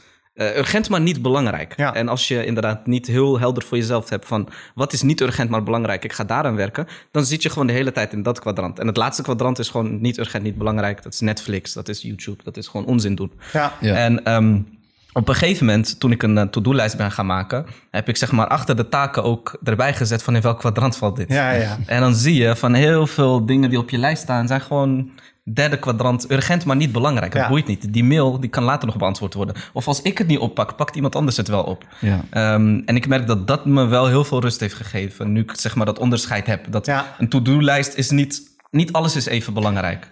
Dat is heel goed. Ja, Nee, maar het is wel mooi wat je nu zegt. En we hadden het er laatst toevallig ook over. Ehm, over ook, dus wat je zegt is echt prioriteiten stellen. Je kan niet alles doen, dus je moet echt prioriteiten stellen. En om dan terug te komen op waar we het net over hadden, dat je actief bent, dat je, wat, eh, hè, dat je, dat je extra dingen onderneemt naast bijvoorbeeld je studie, et cetera. Dan eh, heb ik gemerkt dat ehm, doordat ik mijn eh, tijd heel veel gevuld heb met, eh, met, met eh, zaken die niks te maken hebben met de studie, zorg ik ervoor dat ik juist die urgentie creëer voor mijn studie op de tijden dat ik niet met andere dingen bezig ben. Dus als ik over vier weken, drie weken een tentamen heb, voorheen ging ik dan gewoon nou ja, rustig aandoen, even kijken, even een keer naar een college, een keertje wel, weet je wel. En dan in die laatste week, hele week strijden, tentamen halen, klaar. Dat is hoe heel veel mensen het doen, ook in mijn Ja. omgeving. Dat is ook wat ik herken en ik zal niemand daarop aanspreken, want ik, was, Ja. ik heb dat zelf ook op die manier heel veel gedaan. Maar als jij in die laatste week weet dat jij eh, dit moet doen, dat je dat moet doen, dat je vergadering hebt, et cetera, dan kan je het niet aan laten komen op die laatste week. Dus wat gebeurt er Eh, op het moment dat jij eh, in week 1 een dag vrij bent of ruimte hebt, Ja. dan zorg je ervoor dat je gaat studeren. Ja. Dan zorg je ervoor. En subhanallah, dat werkt veel makkelijker. Want als jij met rust en tijd en eh, de juiste opdrachten maakt op de juiste tijd, Ja. dan ben jij veel beter voorbereid eh, Ja. tijdens je tentamen. Dus het werkt ook nog eens eh, voordelend. Ja, ja eens. Ik heb dat zelf ervaren toen ik in de derde zat op middelbare school. Ik ben toen blijven zitten in een jaar dat ik... ja, gewoon eigenlijk... Het enige wat ik deed was school. Ik had gewoon heel veel vrije tijd. Dus ik had, in mijn vrije tijd was ik heel veel bezig met computer eh, en zo. En het jaar daarna ben ik toen... eh, ja, ik ben toch blijven zitten. Dus laat ik dan maar ook gewoon eh, eh, iets ernaast gaan doen. Ben ik begonnen met een bijbaan. En eh, eh, het is eh, grappig weetje. Ik ben toen in de McDonald's begonnen, in de keuken. En ik kwam thuis alleen in de keuken om iets te pakken. en, eh, eh, en ik weet ook dat ik bij mijn sollicitatie zei van... Ja, maar de keuken, ik kan niks in de keuken. Eh, en, eh, ze, dat willen we hebben juist. Precies. Precies Die kunnen we, die functie kunnen we shapen en vormen. En ik ben toen, ik weet nog dat het, het was echt een zomer afzien eh, in een McDonald's met geen airconditioning. Eh eh, echt een enorme hitte. Ik kwam eh, echt elke, elke dag kwam ik klagend thuis. Ik heb zelfs een keer zitten huilen. En ik wilde niet meer mijn werken. Mijn moeder heeft me naar buiten geschopt en zei: Je gaat, je gaat Ik kon werken. die burgers niet eens eten. Ik had gewoon, het was echt voor mij een soort van vreselijk. Maar die zomer heeft mezelf echt een soort van, ik heb een switch in mijn hoofd gemaakt. Ik heb echt gewoon, ik ben gewoon harder geworden. Mm. En het jaar daarna ben ik, eh, eh, weet je, eigenlijk alle jaren daarna op de middelbare school had ik gewoon een bijbaan en werkte ik soms drie, vier dagen naast gewoon school. Maar het ging gewoon heel goed. Waarom? Omdat je minder tijd had, ging je je tijd gewoon heel effectief indelen. En ik, het creëerde ook gewoon discipline om die tijd te benutten. Terwijl voorheen, ja, als het vandaag niet gebeurt, gebeurt het morgen wel. Ja. Ja, exact. En dan was het zondag, was het nog steeds niet gebeurd. En dan begon de week weer. Ja. Eh, eh, dat vond ik wel een Ja. soort van belangrijke realisatie bij mij. Dus soms ook door andere dingen te doen, Juist. ga je je huidige dingen beter doen. Juist, je wordt Ja. gedwongen om efficiënter te plannen. Ik Ja, allemaal, dat, is, dat, is echt een, dat is echt een mooie... Tenminste, dat heb ik zelf pas eh meegemaakt... Of dat heb ik zelf pas... In, dat inzicht heb ik gekregen toen ik het heb ervaren. Ja. Als je dit mij van tevoren zou zeggen, zou ik denken van... leuk en aardig. Leuk en aardig. Maar subhanallah, het is, echt, het is echt zo. En ik ben zelf ook... Had ik nooit verwacht. Ik werk gewoon met een agenda tegenwoordig. Heel goed. Heel ik heb goed, dat vroeger nooit gedaan. Heel goed. Ik heb hem Google Calendar laten zien. en Toen is het allemaal een zijn beetje begonnen. eh, digitale... Nee, maar nee, nee, echt, dat echt, is- dit is, dat, is, dat is een uitvinding, dat is ongelooflijk. ik krijg gewoon een melding van, oh ja, ik moet over een half uur later. Nee, maar het is geweldig. Heerlijk, hè? Nee, subhanallah. Ja, ja. ik las ook een keer een quote van... eh, de, de, de tijd van een taak vult zich op aan de tijd die je ervoor beschikbaar hebt gemaakt. Ja, Dus als je ja. gewoon Ah, minder sterk. tijd hebt, dan, eh, dan ga je er efficiënter mee om. Ja. Ehm, ja, dat is een heel belangrijk punt. En ik denk een ander heel belangrijk punt hierbij met, met, met het plannen is gewoon het stukje baraka wat je ook in je tijd hebt. Sommige mensen krijgen gewoon met minder tijd veel meer gedaan. En eh, ik moet dan altijd denken aan een, eh, een podcast die hadden we met Hamza opgenomen. En die vertelde toen dat een van de vrome voorgangers had gezegd van wil je meer baraka in je tijd? Eh, of wil je meer gedaan krijgen in jouw tijd? Besteed dan meer tijd aan het reciteren van de Koran. Mooi. Want dat, en dat klinkt paradoxaal, legt hij toen Ja. ook uit. Want je zou denken van, nou, je maakt hier tijd voor vrij. Dus dan hou je minder tijd over voor andere dingen. En ehm, ehm Imam al-Ghazali had hier ook een heel mooi advies over. En die vertelde toen dat... ehm, wil jij baraka aan jouw tijd krijgen... dan moet jij voor elke dag... moet jij eh, eigenlijk uitgestippeld hebben... wat jij gaat doen op een dag. Je moet geen enkele dag verloren, verloren laten gaan. Ja. Elke dag moet je uitgestippeld hebben... wat je precies gaat doen. En je moet niet dingen... wat gewoon op jouw pad komt... maar nemen. Want dat is hoe de dieren het doen. Die Ja. kijken gewoon wat er op hun pad komt. En hij zei... als je die planning, die structuur van je dag hebt... en je houdt je eraan... Ja. dan ga je merken dat er baraka in jouw tijd komt. En dat Ja. vond ik een heel, heel mooi advies. En eh, eh, dat is inderdaad zeker mooi. En dat is wel wat je ziet bij, bij eh, zeker millennials vandaag de dag. Is we worden heel erg geleefd door externe dingen die weet je, invloed van ons hebben. Social media, tv, et cetera. We zijn heel erg reactief. En niet zozeer, dus we, we, we, we, we bepalen niet de koers van onze eigen dag, maar wat er op ons afkomt, dat bepaalt onze koers. En dan gaat heel veel tijd verloren in dingen die je misschien niet helemaal belangrijk vindt, maar wel urgent zijn. Sla je echt spijker op zijn kop. Ik heb Oh, eh, een paar dagen geleden WhatsApp verwijderd. Had ik jou ook verteld. Klopt, Gewoon verwijderd. klopt. Ik heb gewoon eh, Nokia nu. Hij heeft wel 4G, dus ik kan nog steeds Ja. internet op. Mocht ik echt iets op willen zoeken. En, ehm, want ik merkte heel erg aan mijzelf. Als ik mijn dag begon en je ziet je smartphone liggen... dan ben je al heel snel geneigd om erop af te Ja, stappen. zeker weten. En als je hem pakt, ben je verloren. Waarom? Je, je bent reactief vanaf dat moment. Ja. Vanaf dat moment Ja. vertel jij tegen de buitenwereld... kom, vertel mij wat ik moet doen. Vertel mij wat er allemaal gedaan moet worden. En Ja. ik ben wel Superman, ik ga het allemaal oplossen. Ja. En dan zie je appjes en je mails en noem maar op. En dan ga je daarmee bezighouden. En de Q2-dingen waar we het net over hadden... die dingen die echt een impact op duurzame, duurzame termijn hebben... Ja. die verwaarloos je dan omdat je in de waan leeft van... nee, ik ben met hele belangrijke dingen nu bezig. Want Ja. ik ben deze mail aan het beantwoorden of dit aan het oplossen. En ik, merk, ik, ik heb het nog niet super lang gedaan. Het is nu vier Ja, dagen echt ongeveer. Maar ik merk tot nu toe, alhamdulillah, het is goed, het is fijn. En ehm, zeg maar dat je... Kijk, mensen appen je heel snel, het is heel makkelijk. Maar nu moeten mensen me sms'en. Ja. En de drempel om iemand te sms'en is wel wat groter. Je, gaat, je gaat serieus nadenken van, dan ga ik hem echt hiervoor bedanken. Ja, ja. Ik ben losgevallen. Ga ik hem sms'en? Weet je wel, dan ja, heb je echt je best gedaan. Hij weet je stuurde, hij stuurde mij een WhatsApp. Ja. Ik ga WhatsApp verwijderen. Als je mij nodig hebt, moet je mij eh, sms'en of, eh, of mailen. ik denk, ik ga je mailen.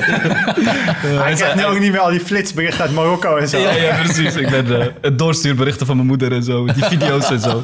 Ben ik uh, van verlost. Met die machines op de achtergrond.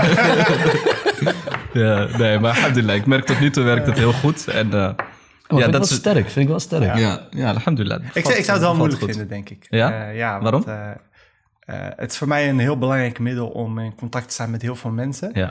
Ehm, eh, ook, eh, ook bijvoorbeeld, weet je, ja, het is alweer vier jaar geleden dat ik uit huis ben gegaan, dat ik ben getrouwd, maar ehm, ik bel, ik, ik ben niet zo iemand die heel snel zijn ouders belt, Eh, ook omdat ze dichtbij wonen, dus ik ga dan meer langs. Ja. Eh, maar ik merk wel, we hebben bijvoorbeeld een groepsapp met de familie en zo, dat je dan wel dingen daarin deelt. Precies. Eh, eh, eh, zodat ze een soort van eh, meekrijgen wat ik in mijn dagelijks leven doe. Ja, ja. Eigenlijk ook een beetje de fear of missing out, hè? Ja, precies. Ja, ja, klopt. Ja. Ja. Maar heel goed. Ik Ja. eh, ben benieuwd Ja. hoe het eh, je afgaat. Ja, de to be continued, eh Als je, inshallah. als, je, als je Brahim ineens een paar weken niet ziet, dan weet je dat hij ergens in een afkikkliniek is. nee. nee, maar ik vind het wel sterk, man. Ik vind het wel sterk, serieus. Dat is, eh, En vooral voor mensen die... eh, gewoon, als je, dat je echt hebt gemerkt van... hé, hey, dit is... eh, ik, ik verlies hier zoveel tijd aan. Dat gaat ten koste van mijn productiviteit. Eh er moeten consequenties aan eh, verbonden worden. Dus ik, eh, ik Ja. sluit het af. Ja, ja, precies. Ik heb er wel heel wel lang een- over nagedacht hoor. Het was niet van de een op de andere dag. Maar op een gegeven moment... Maar je in die, in, Moet in je die, gewoon. in die tijd dat je nadacht, had je toen niet wat productiefs kunnen doen? In de tijd dat ik... uiteindelijk heb ik een productief besluit gemaakt. Ah, gaat je nu gek lopen maken? Ja, ja, ja, ja, ja. Nee, nee, nee. Maar zeker sterk. Zeker Gaat hij nu bij alles zeggen? Heb je niet gelezen op WhatsApp? Oh nee, heb je, heb je niet meer. Mashallah. Waar ik nog even benieuwd naar ben, hè? Ja. Ehm, nou, je gaf al eigenlijk aan van op het moment dat je jouw mindset voorheen was: ik ga gewoon werken, studeren, ik ga me echt niet bezighouden met, eh, met vrijwilligerswerk. Ik- Dit, ik ben comfortabel waar ik nu ben. Studies zitten misschien een aantal en dat is gewoon de mindset. Het, Er hoeft, zitten het misschien- hoeft ook niet. Het Nee, hoeft het hoeft niet. Het hoeft niet. En weet je, ik heb heel veel eh, blanke studenten om mij heen. En weet je, ik hang gewoon met mijn vrienden. Daar ga ik mee om. Ik ga naar mijn studie. Ik doe wat ik moet doen. Projectgroep. Ik meet zoals ik ze moet meeten. En dan ga, daarna ga ik weg. En dan doe ik gewoon mijn eigen ding. Beleef aan je eigen, in je comfortzone eigenlijk. Ja. Ehm, ik denk dat daar op zich niks, helemaal niks mis is met het hebben van een, van een comfortzone. Zeker weten. Ehm, maar wil je echt die eh, groei gaan doormaken die jij hebt doorgemaakt en die jij ook bij MD Alliance hebt me- meegemaakt, dan moet je uit die comfortzone eh, stappen. Want Ja. dat is de plek waar je uiteindelijk gaat groeien. Ehm, hoe merk je dat deze discussie gevoerd wordt over het, het hebben van een comfortzone en, en daaruit stappen? Ja, ehm, ik zal hem eerst nog even nog wat breder trekken. Kijk, wat je nu ziet tegenwoordig is dat we steeds meer in bubbels leven. Hoogopgeleide leven in bubbels. Eh, bepaalde eh, etniciteit vanwege hun sociaal-economische positie leven in hun bubbel. Je ziet dat het ook een heel erg sterk thema is binnen het onderwijs. Namelijk dat we, weet je, na de Wereldoorlog zag je gewoon dat eh, een, eh, weet je, een, een kind uit een arbeidersgezin kon zich opwerken tot, eh, weet je, directeur, burgemeester, wethouder, ministers. Eh, en we merken nu eh, dat we dat, zeg maar, dat we ja, eigenlijk in een kanteling zitten, dat mensen steeds meer hun eigen, ja, like-minded people, maar ook mensen van hun status, sociaal-economische status opzoeken. Dus we gaan in, we krijgen, we, we krijgen bubbels. Ja. En dan heb je Facebook-algoritme, versterkt je bubbel. Precies. Je ziet wat je wilt zien. Je ziet alleen wat je, precies wat je wilt zien. Ja. Van, vanuit zeg maar consumentenbehoeften. De consument wil Ja, dit. precies. Daar spelen we op in. Persoonlijk vind ik, vind ik, vind ik dat een gevaarlijke ontwikkeling eh, eh, eh, voor de samenleving. En ik denk dat ja, het begint met bewustzijn. Van dat we bewust zijn van dat dit gaande is en dat het gevaarlijk is. En uiteindelijk moeten we, moeten we daar als mensen iets mee. Wat is dat gevaar, denk je?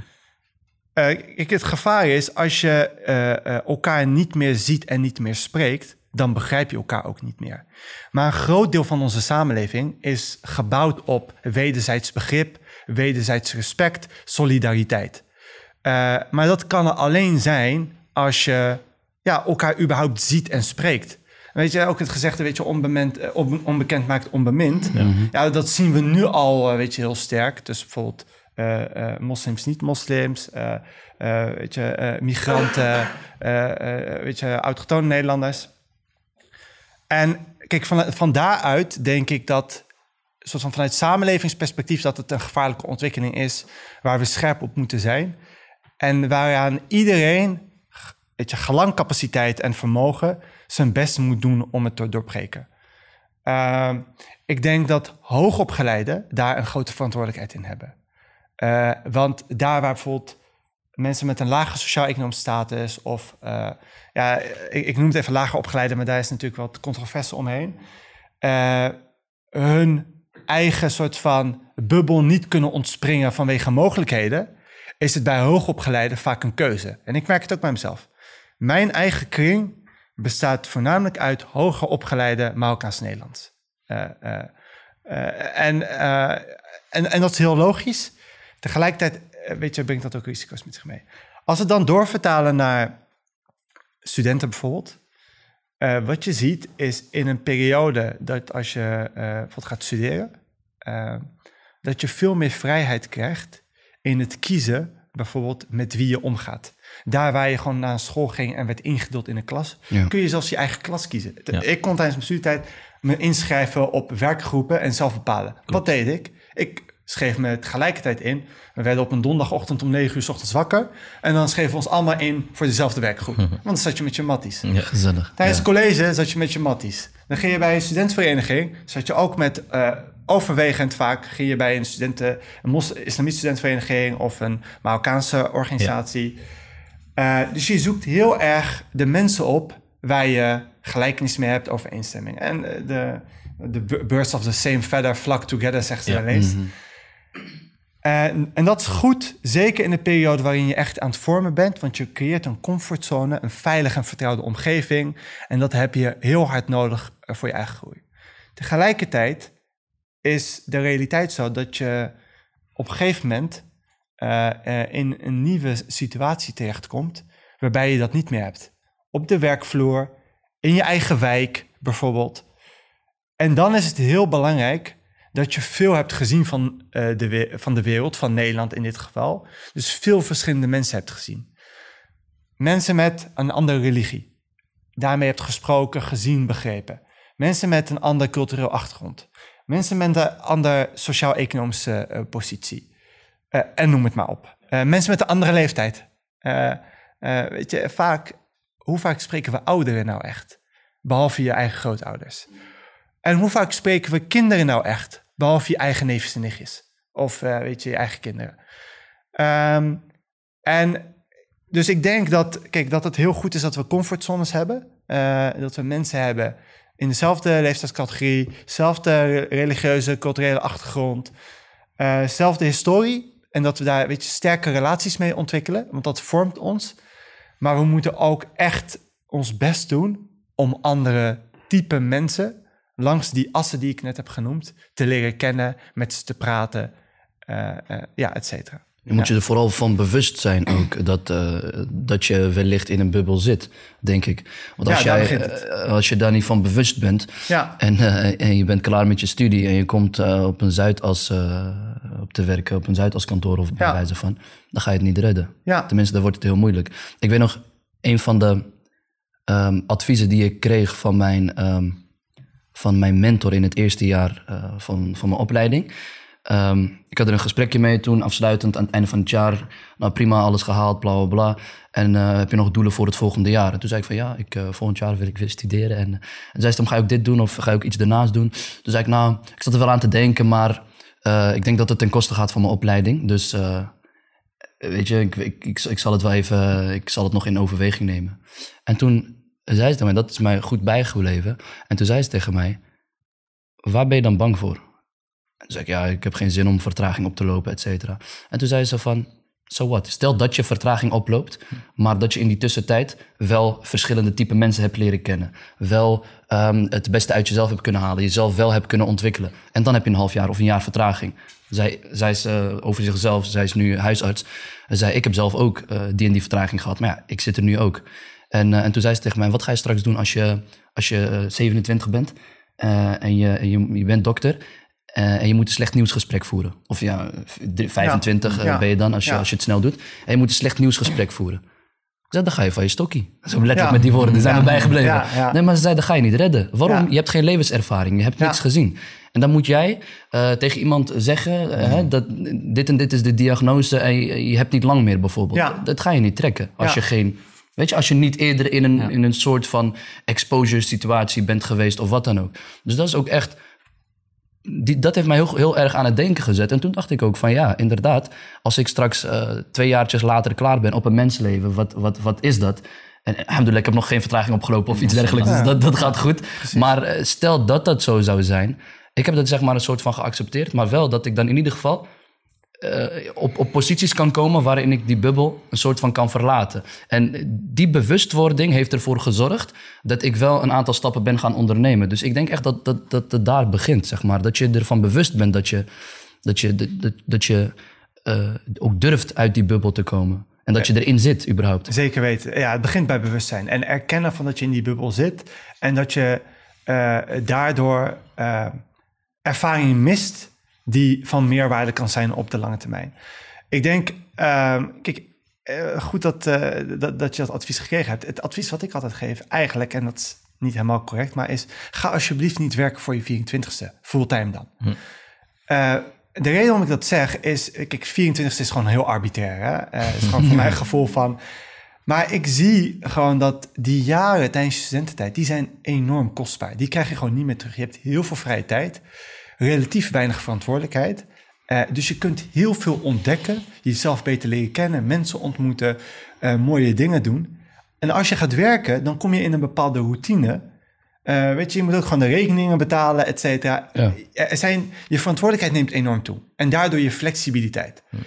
Ehm, en ik vind het daarom altijd jammer bij, bij ons in de gemeenschap dat mensen, zeg maar, omdat ze heel snel een inkomen willen hebben en stappen willen zetten, ehm, dat ze bijvoorbeeld soms op 22 jaar al afstuderen ehm, en bijvoorbeeld bij zo'n Big Four terechtkomen.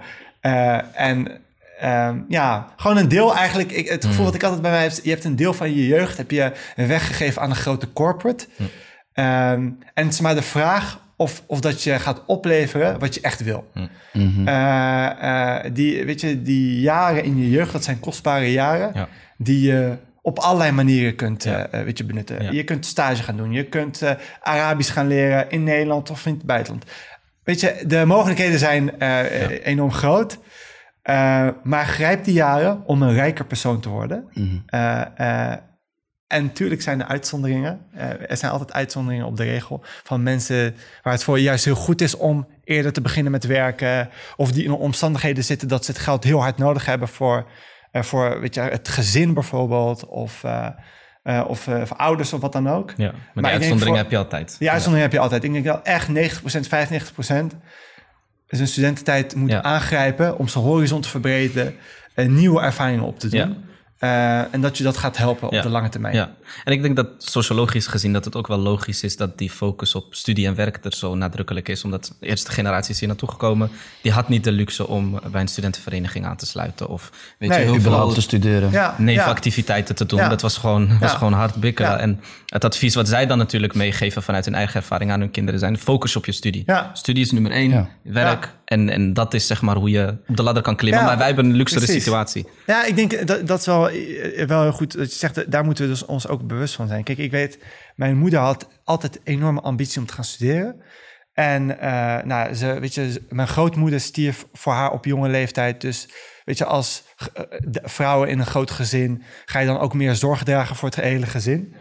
Eh, en uiteindelijk eh, eh, heeft ze toen een paar keer moeten dubleren. En uiteindelijk echt voor het einde van haar examenjaar, het voorlaatste examenjaar in Marokko, is ze toen gestopt met school. is ze getrouwd en is ze naar Nederland toegekomen. Dus voor haar was gewoon een van haar topprioriteiten is mijn kinderen moeten, moeten gaan studeren. Ja. Zeg maar met, als wij dat realiseren, dan is haar wens in vervulling gegaan. Dus ik weet ook, op het moment toen ik afstudeerde, dat was nog mijn bachelor, ze was echt in tranen. Voor haar betekende het veel meer dan voor mezelf. Ja, ja, ja. Voor mij was het gewoon, ja, weet je, iedereen eh, doorloopt gewoon de, traject. Ik heb het gerond. Mooi, man. yes, ik ben blij, mijn studie afgerond en door. Maar voor haar was het echt een soort van levensmijlpaal. Mm. Van ik zie mijn kinderen, eh, weet je, mijn eerste kind iets realiseren. En eh, toen, dat was wel een moment dat ik besefte dat soms dingen die kinderen, weet je, bereiken, van veel meer waarde zijn voor, hun- voor hun ouders. Mm. Ehm, eh, om, omdat zij de kansen niet hadden.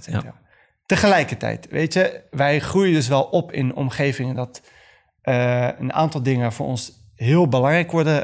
ja, ehm, heel belangrijk zijn voor onze ouders en dat, dat krijgen we dan mee.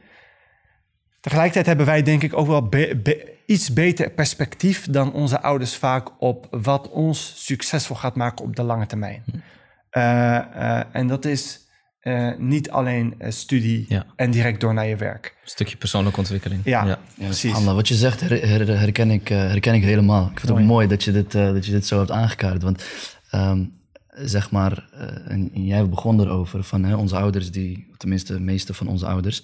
Trouwens, tegenwoordig zijn de veel leeftijdsgenoten van mij, die hebben ook gewoon ouders die hier geboren en getogen Ja, ja, zijn. Ja, dat is mooi. Dat is Ja, ook heel precies. mooi. Ja. Ehm, maar ik ben dan zeg maar de jongste van, eh, van het gezin. Dus ik, eh, mijn ouders zijn hier op een gegeven moment ook gekomen.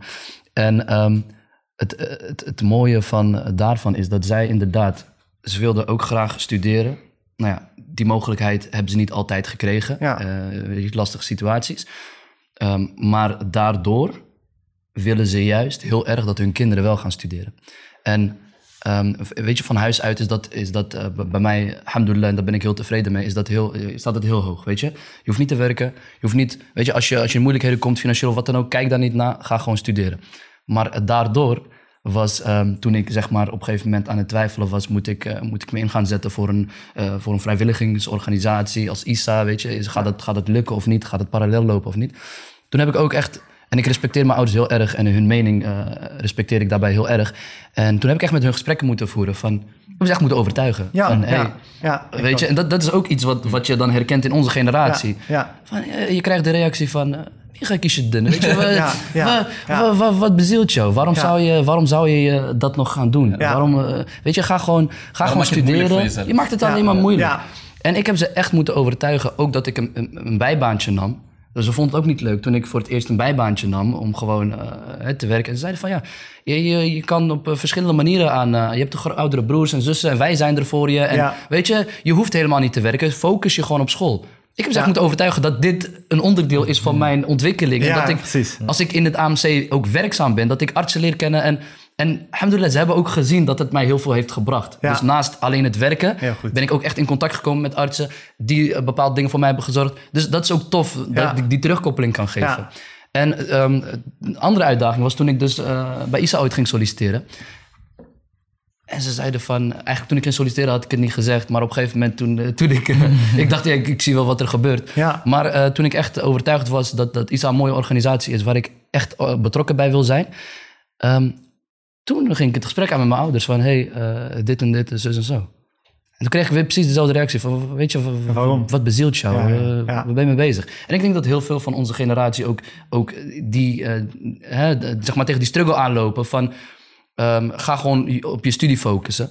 Maar subhanallah, als ik, als ik dan nu ook, en dat is ook voor mij een extra drijf geweest om hard bezig te gaan met mijn studie. Precies. Om aan mijn ouders te laten zien van, dit is een soort van ontwikkeling voor mij. Maar ehm, ik vergeet nooit hoe belangrijk mijn opleiding voor me is. Want ja. dat zie ik zelf ook. Ja. Dus voor mij was het een, een extra motivatie om ehm, niet alleen ehm, mij goed in te zetten voor ISA, maar ook al mijn tentamens te halen. Ja. En alhamdulillah heb ik eh, nu vlak voor de, hè, zeg maar het eerste semester, heb ik gewoon kunnen laten zien dat, eh, dat het heel goed samen is gegaan. Dat ik alles heb gehaald. Ja. Alhamdulillah. Dus dat is voor mij ook eh, een soort van het beste eruit halen, Ja. maar ook terug laten zien van ik begrijp waar die struggle vandaan komt. Ja. Maar dit is wel wat ik nodig heb om de beste versie van mezelf te worden. Ja. En ik heb ze ook overtuigd. Goed zo. En ze zijn, eh, ja, ze zijn nu ook eh, meegaan. Dus als ik nu laat thuis kom door een vergadering... of ik heb nog een extra belafspraak of dit of dat... Ja. dan z- ze hebben het begrepen nu. Ja, maar ben jij de eerste in het gezin die dat eigenlijk doet? Ehm, ik ben niet de eerste in het gezin die studeert. Nee, maar daarnaast. Maar eh, ja, kijk, eh, ik kom, dus uit Friesland. kijk, Weinig activiteit daar, hè? Wat boeren. nee, maar subhanallah, de mensen uit Leeuwarden, die, eh, die, die, als mensen uit Leeuwarden aan het kijken zijn, dan kunnen ze het beamen. Je hebt daar vrij weinig activiteit. Je hebt daar vrij weinig harken. Ja. En ik ben zelf toen ik, maar het is ook wel iets kenmerkends van mij. Ik ben wel altijd iemand die, die extra harken wil, wil, wil Ja. hebben. Dus ik was ook actief bijvoorbeeld in de, de enige wat we daar hadden is, is een moskee waar je actief kon zijn. Dus Ja. ik was actief in de plaatselijke moskee. We hebben ook Ja. eh, echt een soort van mini-ISA-eventjes georganiseerd. Ja, leuk. Alhamdulillah, dat was heel leuk. Mooi, ja, maar mooi. was, was heel leuk. Maar, ehm, ehm, ja, ja, dus ik heb een, eh, twee oudere zus en een oudere broer. En die zijn allemaal, eh, hebben ze gestudeerd. En eh Ja. alhamdulillah, die zijn allemaal afgestudeerd. Ehm, maar wel in, in het noorden, dus of in Groningen of in Leeuwarden. En daar had je vrij weinig activiteiten. Toen ik naar Amsterdam kwam, en voor mij was eigenlijk ook de optie om in Groningen te studeren. Maar ehm, ja, geneeskunde is lastig om binnen te komen. Dus Amsterdam is mij gelukt om binnen te komen. En eh, toen heb ik eh, Leeuwarden achtergelaten, toen ben ik naar Amsterdam gekomen. En dan kom je in een omgeving waar, waarbij je ineens in een fastlijn zit. Je zit gewoon Ja. op de linkerbaan. Je gaat gewoon hard. Snap je? Dat is de randstad. Je gaat... Ja. En ik dacht op een gegeven moment van... eh, ik zat om me heen te kijken. Ik denk van die jongens die zijn niet per definitie eh, beter dan ik of zo. Ik kan Nee. ook in die, in die linkerbaan rijden. Ja, klopt. En eh, ja, toen ik daarvoor had gekozen, dus op een gegeven moment... Toen ja, ging die linkerbaan nog harder. Ga je, meer, ga je niet meer naar de rechterbaan? Nee, man. Klinkt als een goede ISA-campagne, of niet? Ja, zeker Wil jij ook op de linkerbaan rijden? Meld je aan bij ISA. Wil je ook op de linkerbaan rijden? Je. Wil je de zesde versnelling ontdekken? Nee, maar in die zin, in die zin om terug te komen op je vraag. In die zin. Ben jij ook klaar met die Fiat Panda? Nu maak ik het belachelijk, maar hij heeft altijd een heel mooi verhaal. Nee, nee, nee, nee ga vooral door. Ja. Nee, nee, nee, maar dat is echt, dat is echt om terug te komen op, op je vraag. Ehm, er, er, is wel, er is wel een bepaalde. eh, er is een hele andere cultuur in de Randstad dan in, dan in, Ja. in, in, eh, Ja. de, het perifere gebied. Ik denk dat ik- Ja. Nee, maar om, om, om, nog even terug te komen. In die zin was ik dus wel de eerste Ja, eh, precies. thuis die, Precies, die, die echt ehm, actief nevenactiviteiten deed. En dat is heel goed. En ik denk, je hebt eh, geen eh, broertjes en zusjes. eh, Nee, je bent nee, de nee. laatste. Oké, nou, kijk, voor mij was het... Ik heb, eh, toen, ik, eh, toen ik het MD ging doen... eh, voor mijn ouders was dat op zich wel, weet je, prima. Die waren de... Die dachten, oké, goed, goed dat je bezig bent. Toen ze zagen hoeveel tijd ik, ik erin stak... toen dachten ze wel van, hey, ho, dit gaat ten koste van...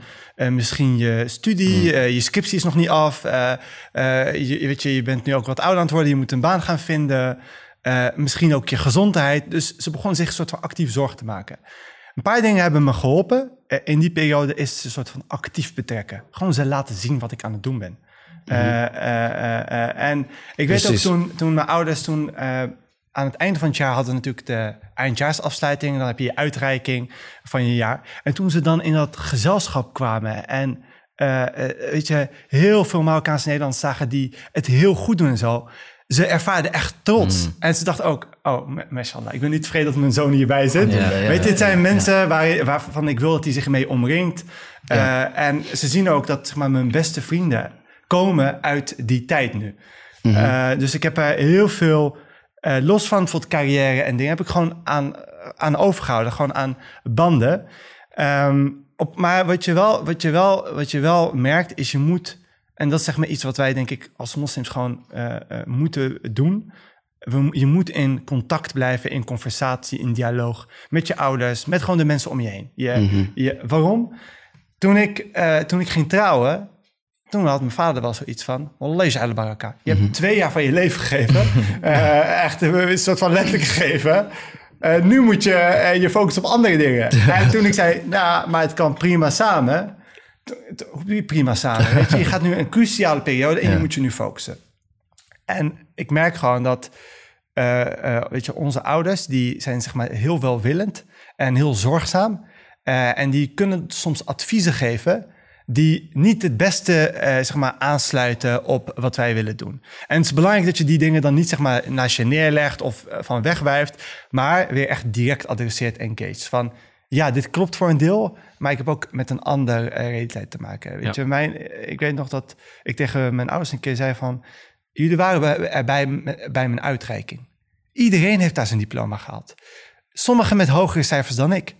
Dus eh, eh, eh, hoe zorg ik ervoor dat ik van meerwaarde ben? Hm. Dat is door me breder te ontwikkelen dan alleen mijn vakken te halen. Dat is meer een soort van randvoorwaarde. Ja. Weet je, dat moet je doen. Maar als je echt wil groeien en van betekenis wilt zijn, dan moet je je breder ontwikkelen. En ik merk doordat ik soort van dat weg heb bewandeld, dat eh, het voor mijn, eh, voor mijn broertje en voor mijn zusje was het eh, een gegeven van we snappen dat dit erbij hoort eh, en dat dit je heel veel gaat opleveren.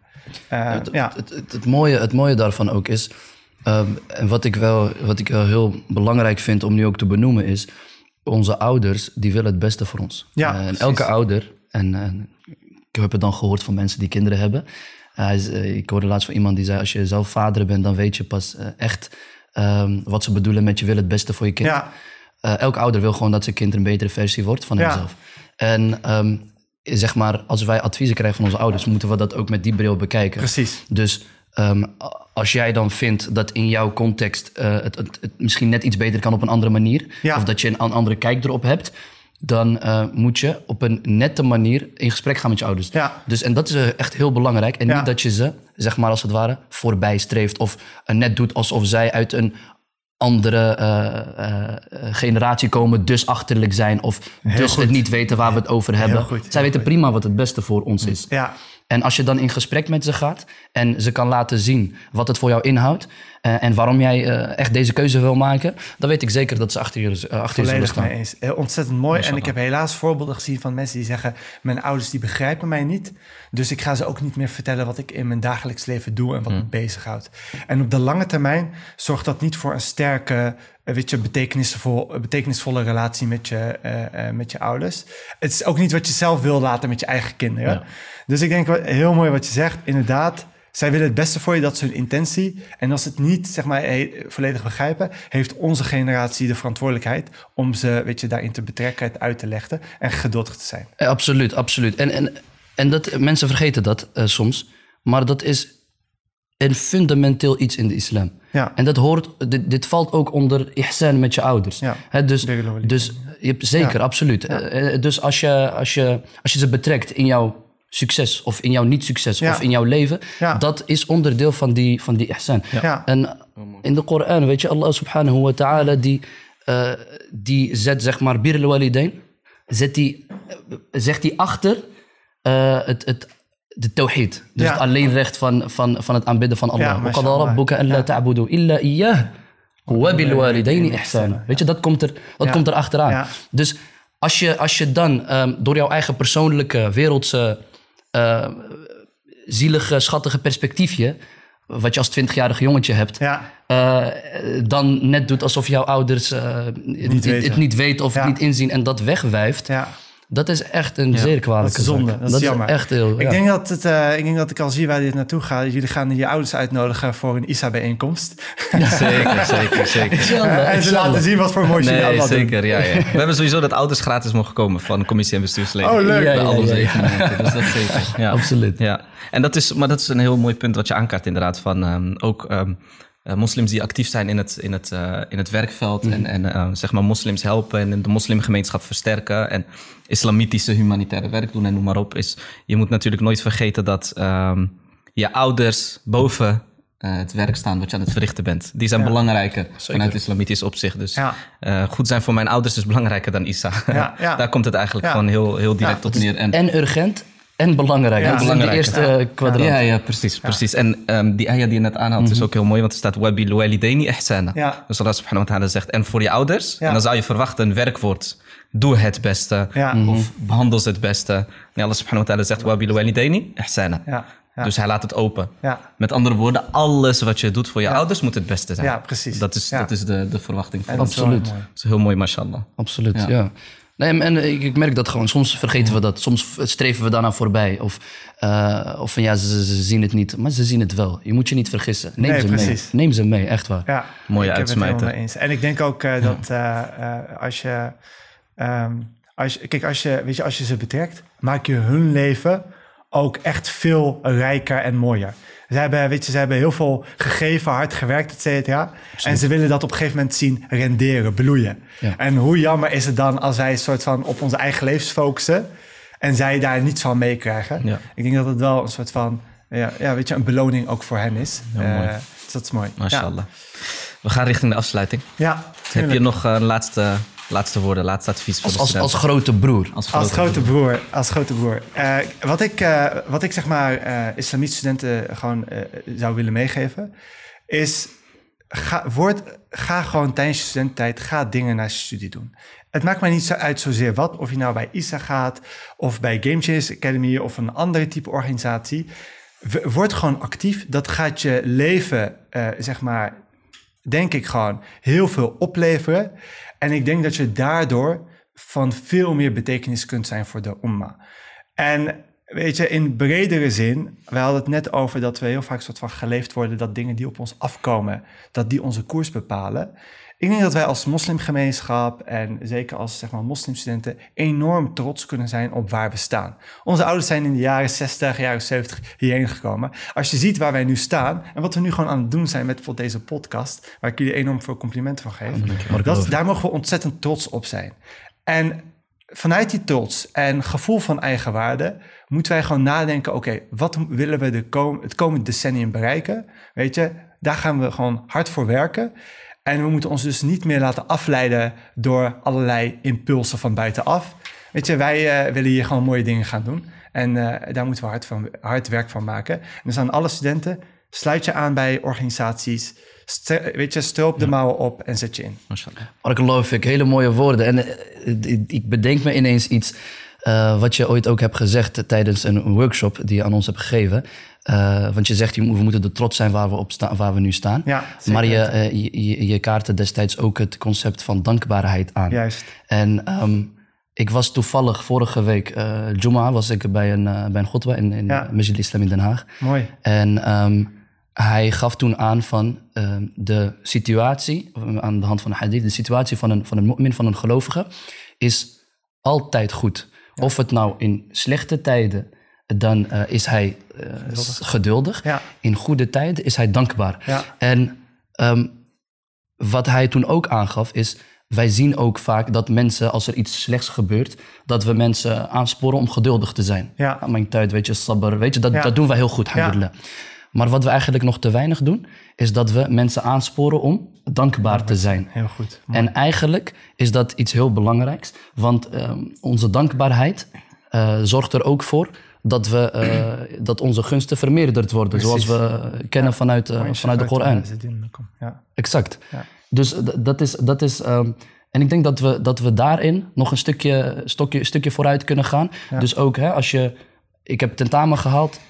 Mashallah, je moet, echt, eh, je moet Allah echt dankbaar zijn. Of uh, verricht sujud shukr. Of, ja, snap je? ja, maar dat je, echt, ja. dat je echt elkaar ook aanspoort Ja. om die dankbaarheid eh, te, te hebben. ja. Ehm, en en eh, volledig mee eens wat je, wat je Mooi, zojuist hebt gezegd. Mooi. En dan wil ik jullie ook dan enorm bedanken voor deze uitnodiging. Ik vond het eh, leuk, eh, een leuk gesprek. eh, ook heel interessant. Dus uh, shukran en barakallahu fik. Maar geloof ik voor je mooie adviezen. Dan gaan we bij deze afsluiten. Kijkers, luisteraars, bedankt voor het kijken en luisteren. Ehm, en tot de volgende keer, inshallah. Subhanakallahumma wa bihamdika ashhadu an la ilaha illa ant. Astaghfiruka wa atubu ilaik. Assalamu alaikum. Assalamu alaikum. Assalamu alaikum.